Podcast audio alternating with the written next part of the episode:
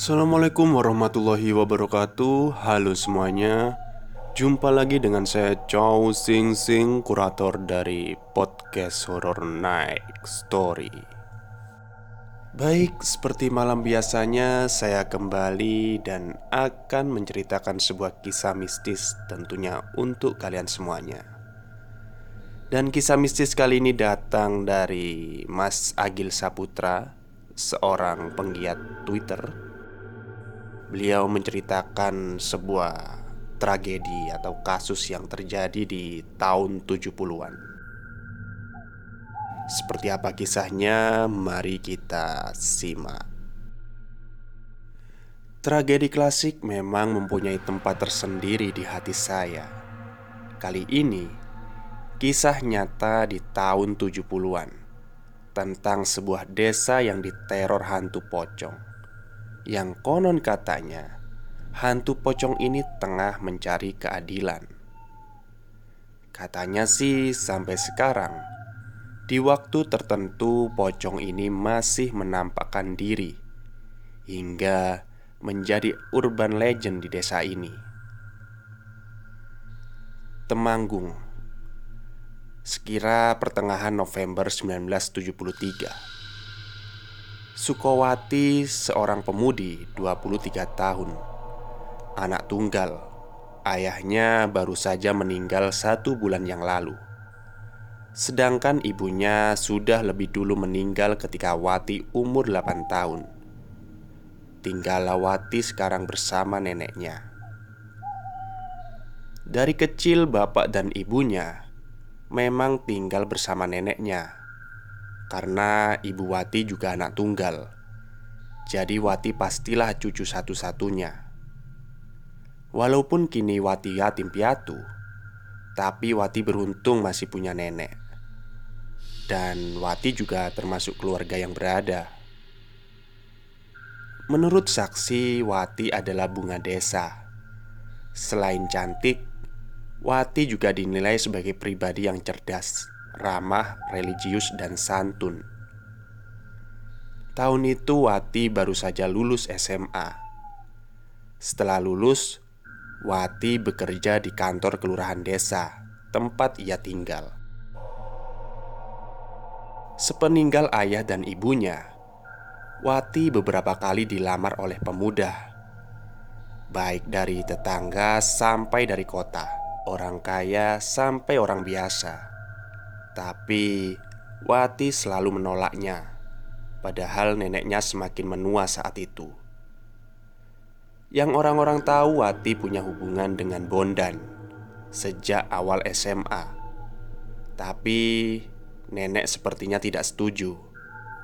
Meski Bondan anak orang kaya Tapi dia terkenal kasar dan uraan. Dia seumuran Wati Nenek sudah berulang kali mengingatkannya, tapi mereka justru malah menjalin hubungan dengan diam-diam. Ayah Bondan pun sepertinya juga tak setuju kalau anaknya dengan Wati. Kalau istilah Jawanya, WC Ciputu. Jadi, dulu itu kakek Wati dan kakek Bondan pernah menjadi lawan politik, sama-sama calon lurah tapi kakek Wati lah yang menang. Kakek Bondan yang kalah merasa dicurangi. Dan seakan dendamnya diwariskan ke anak cucunya. Itu yang namanya wis si jebutuh Sudah berseberangan lah intinya.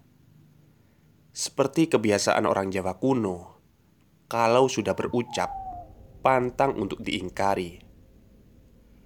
Hubungan asmara antara Bondan dan Wati pun semakin menjadi Seiring menuanya nenek, Wati sudah mulai kekurangan karena harus bekerja sendiri menghidupi neneknya.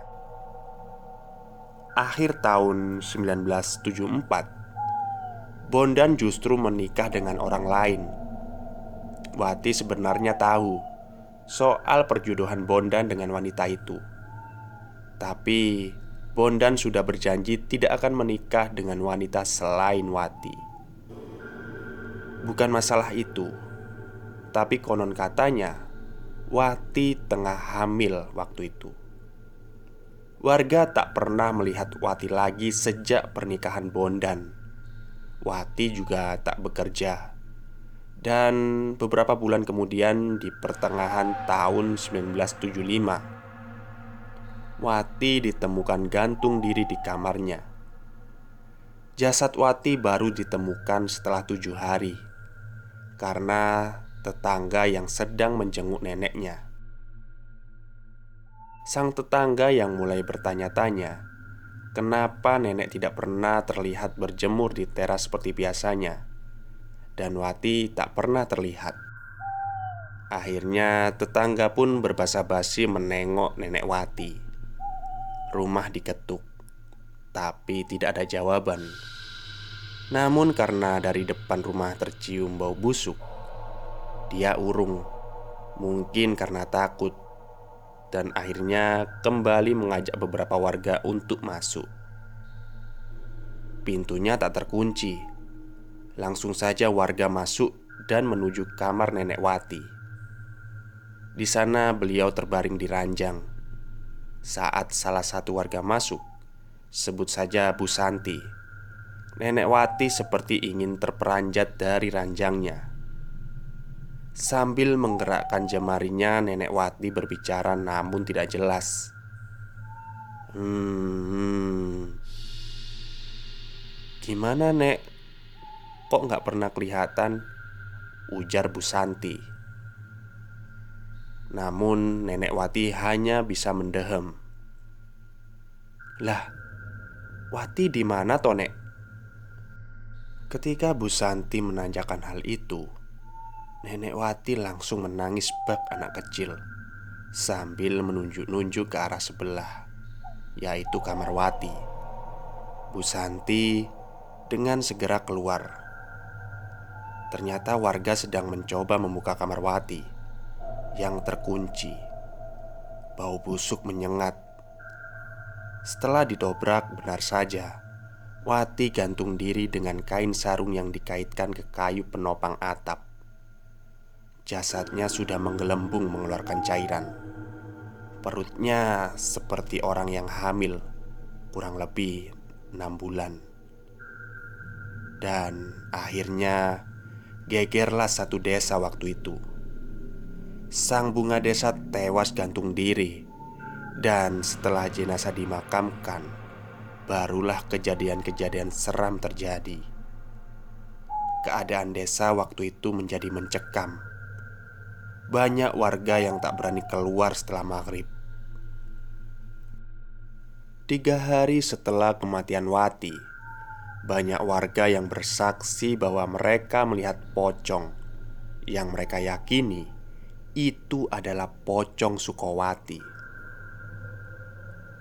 Salah satunya dialami oleh Dedi, usia belasan tahun waktu itu.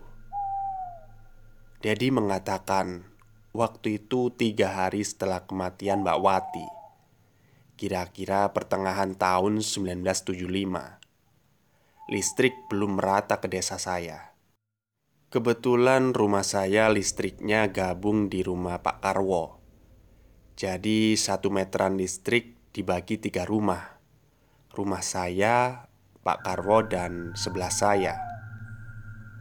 Karena wattnya masih minim kita cuma gabung sampai jam 9 malam. Setelah itu ya pakai lampu minyak.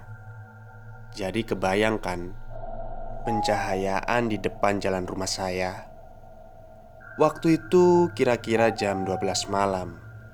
Saya terbangun karena ingin buang air besar Sebenarnya saya tidak berani keluar. Namun saya sudah tidak tahan. Hasrat itu tidak lagi bisa dibendung.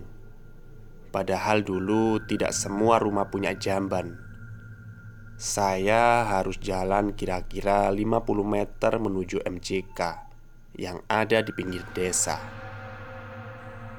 Karena sudah di ujung tanduk Akhirnya mau tak mau saya harus keluar menuju jamban Sambil membawa senter dan setengah berlari saya berjalan menuju Jamban. Sampai di sana ternyata ada Pak Sulam tetangga saya. rasa takut saya sedikit berkurang. Kita pun jongkok saling membelakangi. Jadi jambannya ini ada tiga deret. Saya di pojok tengah kosong dan Pak Sulam di pojok juga. Penutupnya juga cuma sampai pinggul kalau kita jongkok. Dan itu tak beratap. Pokoknya khas jamban-jamban umum di desa lah. Waktu itu Pak Sulam hanya diam saja. Cuma terdengar suara hisapan rokoknya. Saya mencoba ngobrol dengan Pak Sulam. Wah, Anda kok berani sekali, Pak, malam-malam? Pak Sulam menjawab, Takut apa? Mbak Wati itu loh pak Kataku Kemudian tidak terdengar suara dari Pak Sulam. Pas saya tengok Ternyata tidak ada siapa-siapa. Saya takut sekali. Sampai lupa waktu itu apakah saya sempat cebok apa belum Saya langsung berlari menuju rumah Saya teriak sekencang-kencangnya Sampai depan rumah, saya terpeleset jatuh. Dan di remang-remang saat saya mencoba berdiri, saya melihat sosok putih di depan rumah tetangga sebelah saya. Awalnya saya kira karung beras, tapi kok bergerak-gerak menghantam pintu. Saya raih senter di samping. Pas saya soroti, Ternyata itu adalah pocong. Tapi posisinya setengah sujud Dan kepalanya dihentak-hentakan ke pintu rumah tetangga saya. Saya langsung spontan berdiri Masuk ke rumah dan masuk ke kamar. Pikiran sangat kacau Seperti mimpi Saya hidupkan lima lampu minyak di kamar biar suasananya sedikit terang dan saya tertelungkup di ranjang dengan menutup selimut. Bruk, bruk, bruk. Suara hentakan itu masih ada, tapi kelihatannya masih di rumah tetangga. Sampai beberapa saat kemudian, suara itu mulai semakin jelas dan semakin keras. Sepertinya yang diketuk sekarang adalah rumah pintu saya. Saya mendengar suara itu sekitar 10 menit. Dan kemudian suara itu pindah ke sebelah. Keesokan harinya semua warga geger. Mereka bersaksi pintu rumahnya diketuk oleh pocong yang diduga itu adalah Mbak Sukowati.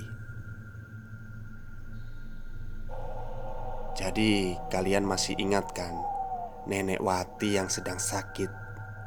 Nah Selang 40 hari kematian Wati Sang nenek sehat bugar.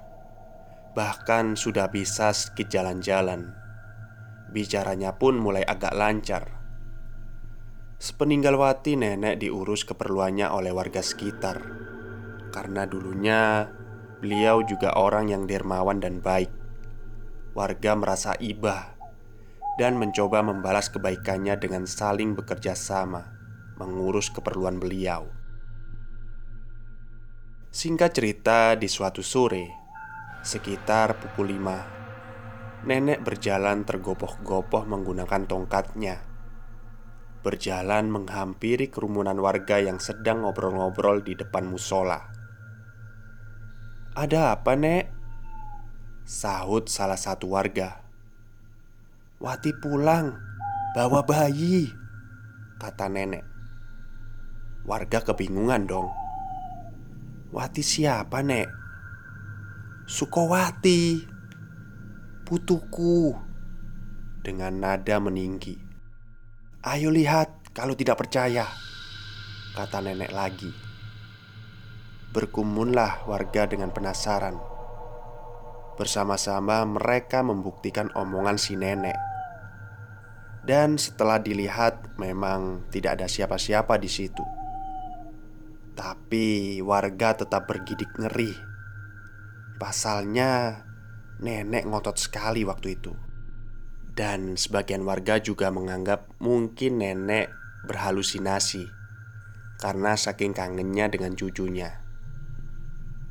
Sampai beberapa hari kemudian, Mas Sarjono, sesuai dengan namanya, beliau adalah sarjana, pendidikannya tinggi, dan beliau adalah orang yang paling tidak percaya dengan hal-hal mistis. Beliau juga yang getol bilang kalau si nenek sudah pikun dan gila Sehingga berhalusinasi. Kejadiannya sore hari Hampir maghrib. Mas Sarjono pulang dari desa sebelah Naik sepeda ontelnya. Di jalan desa yang waktu itu sepi Mas Sarjono melihat seorang wanita dari kejauhan. Pakaiannya dress batik dengan selendang seperti sedang menggendong bayi. Semakin dekat, Mas Sarjono mencium bau anyir. Dan dari belakang kira-kira jarak 5 meter Ada yang janggal Jadi pakaian area maaf pantat wanita tersebut Seperti basah Namun merah Sepertinya itu darah Dengan kaget Mas Sarjono menghentikan sepedanya. Sesaat sosok itu berhenti berjalan dan membalikan badannya sambil terus tersenyum jahat. Sosok itu berbicara sekali, "Mas," dan berjalan mundur cepat sekali. Dia menghilang di kabut ujung desa. Akhirnya Mas Sarjono berlari meninggalkan sepedanya. Setelah bertemu warga Mas Sarjono bersumpah Bahwa yang dilihatnya itu adalah Sukowati. Dia hafal dengan tahi lalat yang ada di bawah matanya. Kejadian itu sangat cepat Dan merubah cara berpikir Mas Sarjono Dari yang tidak percaya menjadi sangat percaya kita kembali ke nenek. Setiap beberapa hari sekali, warga bilang kalau nenek sering kali menghampiri warga di sore hari, dan dia kembali bersaksi kalau Sukowati pulang ke rumah dengan membawa bayi dan duduk di kamarnya. Nenek bersaksi bahwa Sukowati pulang terus berulang-ulang hingga nenek menghembuskan nafas terakhirnya. Setahun terakhir banyak warga yang bersaksi juga Bahwa mereka melihat sosok yang diduga arwah dari Sukowati. Ada yang berbentuk pocong Ada pula yang melihat dengan bentuk wanita berpakaian dress batik Sambil menggendong bayi. Tapi selain itu ada yang terlupakan Yaitu Bondan mantan kekasih Sukowati yang diduga menjadi penyebab Sukowati bunuh diri lantaran menikah dengan wanita lain. Usia pernikahan Bondan dengan wanita itu justru tak bertahan lama, terlebih setelah Wati bunuh diri. Sukowati bunuh diri hanya selang beberapa bulan saja setelah Bondan menikah. Setelah kejadian itu, ternyata terjadi hal-hal aneh terhadap Bondan. Bondan mendadak stres dan suka mengamuk. Alhasil, istrinya pun menceraikannya. Dengan usia pernikahannya yang tidak sampai setahun, dalam masa gilanya banyak warga yang sering melihat Bondan berbicara sendiri di makam Sukowati kadang sampai menangis. Tubuhnya yang gagah menjadi kurus kering. Keluarganya sudah mencoba berbagai cara untuk mengobatinya, dari RSJ sampai dibawa ke orang pintar, tapi tetap tidak ada perkembangan. Pernah di malam hari, Bondan berlari keliling desa sambil berteriak, "Wati, Wati, aku ikut." Pak Narso pernah melihat Bondan duduk di depan makam Sukowati. Saat itu Bondan menggaruk-garuk kepalanya sampai berdarah. Mungkin sampai kulit kepalanya terkelupas sambil tertawa terbahak-bahak. Bahkan pernah di siang hari di jamban umum lagi banyak warga nih ceritanya. Nah, si Bondan ini buang air besar tapi kotorannya ditadah dengan tangannya sendiri dan dimakan. Entah apa penyebab Bondan menjadi gila, tapi warga meyakini bahwa itu karena kesalahannya dengan Sukowati. Bisa saja karena dia terlalu merasa bersalah karena bunuh dirinya Sukowati. Di tahun 1975, Kegilaan Bondan ini semakin menjadi-jadi dan meresahkan. Karena keluarganya mungkin malu Bondan sempat juga dipasung kurang lebih satu setengah tahun. Baru di tahun-tahun berikutnya Bondan dibiarkan berbaur. Tapi penyebab pasti kegilaan Bondan ini belum bisa dibuktikan. Walau Warga meyakini itu karena karma dari Sukowati. Bondan tidak pernah benar-benar sembuh. Dia tetap linglung sampai akhir hayatnya. Bondan meninggal di antara usia 64 sampai 65-an di tahun 2004. Dia meninggal dengan cara gantung diri. Baik itulah akhir dari cerita Pocong Sukowati. Dan semoga para pendengar malam ini menikmati ceritanya. Dan saya mohon maaf bila ada kesalahan dalam bercerita. Ya namanya juga manusia ya. Oke mungkin itu saja yang bisa saya sampaikan malam ini. Selamat malam dan selamat beristirahat